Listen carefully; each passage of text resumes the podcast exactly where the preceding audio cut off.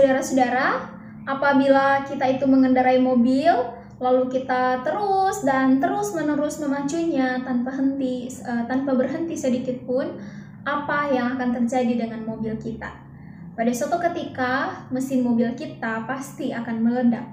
Nah, saudara, mobil yang hanya sekedar dipakai juga tapi tidak dirawat, tentunya akan cenderung lebih cepat rusak ketimbang mobil yang uh, rajin diperiksa secara teratur diperiksa dan mendapatkan perawatan. Nah, saudara demikian juga dengan tubuh kita. Cobalah kita itu terus-menerus bekerja tanpa berhenti, tanpa tidur, tanpa rehat. Suatu kali juga pasti kita akan jatuh sakit atau mengalami masalah-masalah yang lain.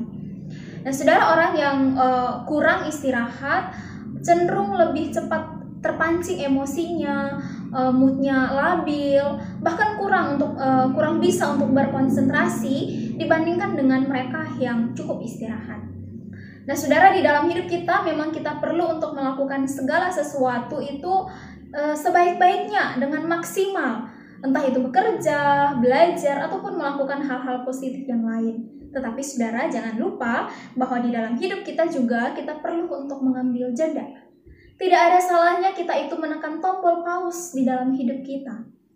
Nah, saudara kita harus tahu kapan kita harus berhenti sejenak, meskipun uh, pekerjaan, tugas-tugas itu masih menumpuk di depan mata kita. Karena kalau kita itu sudah sampai di batas titik jenuh, lalu kita terus memaksakan diri untuk melakukan pekerjaan, mengerjakan tugas-tugas, selain kesehatan kita terganggu, hasil yang kita peroleh juga pasti tidak maksimal.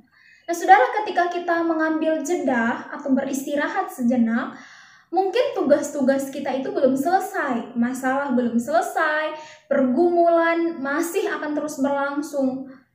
Tetapi memang kita ini butuh untuk istirahat. Nah, saudara, firman Tuhan akan mengingatkan kita hari ini dari Mazmur 46 ayat 11. Diamlah dan ketahuilah bahwa akulah Allah Aku ditinggikan di antara bangsa-bangsa, ditinggikan di bumi. Saudara, di dalam hidup kita tidak salah untuk kita itu berhenti sejenak. Diamlah di hadapan Tuhan. Renungkan bahwa ada Tuhan yang berkuasa atas segala sesuatu yang sedang terjadi di dalam hidup kita. Mari kita melihat Tuhan Yesus, melihat uh, Tuhan Yesus selama dia ada di dunia melayani di dalam rentan waktu yang sangat singkat sebelum hari, uh, akhirnya dia harus menjalani karya penebusannya bagi kita. Tetapi saudara, meskipun Tuhan Yesus itu sangat sibuk di dalam pelayanannya karena waktu yang sangat singkat, Tuhan Yesus tahu bahwa ada saat-saat di mana dia harus ambil uh, waktu uh, waktu untuk berdiam diri sejenak di hadapan Bapa untuk mendengar suara Bapa. Yesus bisa melakukannya di pagi hari seperti yang dicatat oleh Mar, uh, di dalam Markus 1 ayat 35. Pagi-pagi benar, waktu hari masih gelap, ia bangun dan pergi keluar. Ia pergi ke tempat yang sunyi dan berdoa di sana. Tetapi Tuhan Yesus juga bisa melakukannya di malam hari, seperti yang dicatat di dalam Matius 14 ayat 23. Dan setelah orang banyak itu disuruhnya pulang, Yesus naik ke atas bukit dan berdoa seorang diri. Juga e, kalau kita melihat ketika beban tekanan yang memuncak menjelang penangkapannya, sempat membuat Yesus itu merasa sangat takut. Tetapi di saat seperti itu pun Yesus tahu dan dia memilih untuk berhenti dan berdoa kepada Bapa seperti yang dilakukannya di Taman Getsemani. Saudara perhatikan bagaimana nyata perbedaan sebelum dan sesudah Tuhan Yesus berdoa. Yesus tahu eh, kapan dia harus mericat dirinya agar bisa kembali melakukan segala sesuatu itu tepat seperti keinginan Bapa. Saudara, seperti itu juga dengan kita seharusnya. Kita harus tahu kapan kita harus berjalan, kapan kita harus lari, tetapi kita juga harus tahu kapan kita harus berhenti. Kita uh, karena kemampuan untuk tahu kapan kita harus berhenti erat kaitannya dengan kemampuan atau kekuatan untuk mengontrol diri, emosi maupun untuk mawas diri. Saudara, sebelum uh, situasi menjadi tidak terkontrol lagi, kinerja menurun, atau kita melakukan hal-hal yang tidak seharusnya kita lakukan.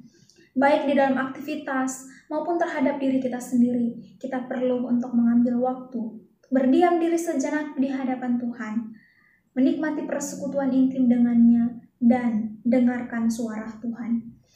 Saudara, pertanyaan buat kita hari ini adalah, kapan terakhir kali kita menekan tombol pause di dalam hidup kita? Lalu kita duduk diam di hadapan Tuhan, menikmati persekutuan dengannya, dan mendengarkan suaranya. Kata diamlah di ayat ini kalau dari bahasa aslinya dapat juga diterjemahkan dengan kata lepaskanlah. Saudara, mari belajar untuk melepaskan hal-hal yang bisa menghalangi kita untuk menikmati persekutuan dengan Tuhan. Mari belajar untuk menarik diri dari kesibukan-kesibukan kita dan duduk diam di hadapan Tuhan untuk mendengarkan suaranya. Saudara, jangan sampai kita kelelahan dan semua kebisingan hidup membawa kita semakin jauh dari Tuhan. Karena itu, mari jangan ragu untuk menekan tombol pause di dalam hidup kita untuk merecharge kehidupan rohani kita di hadapan Tuhan. Tuhan Yesus memberkati. Amin.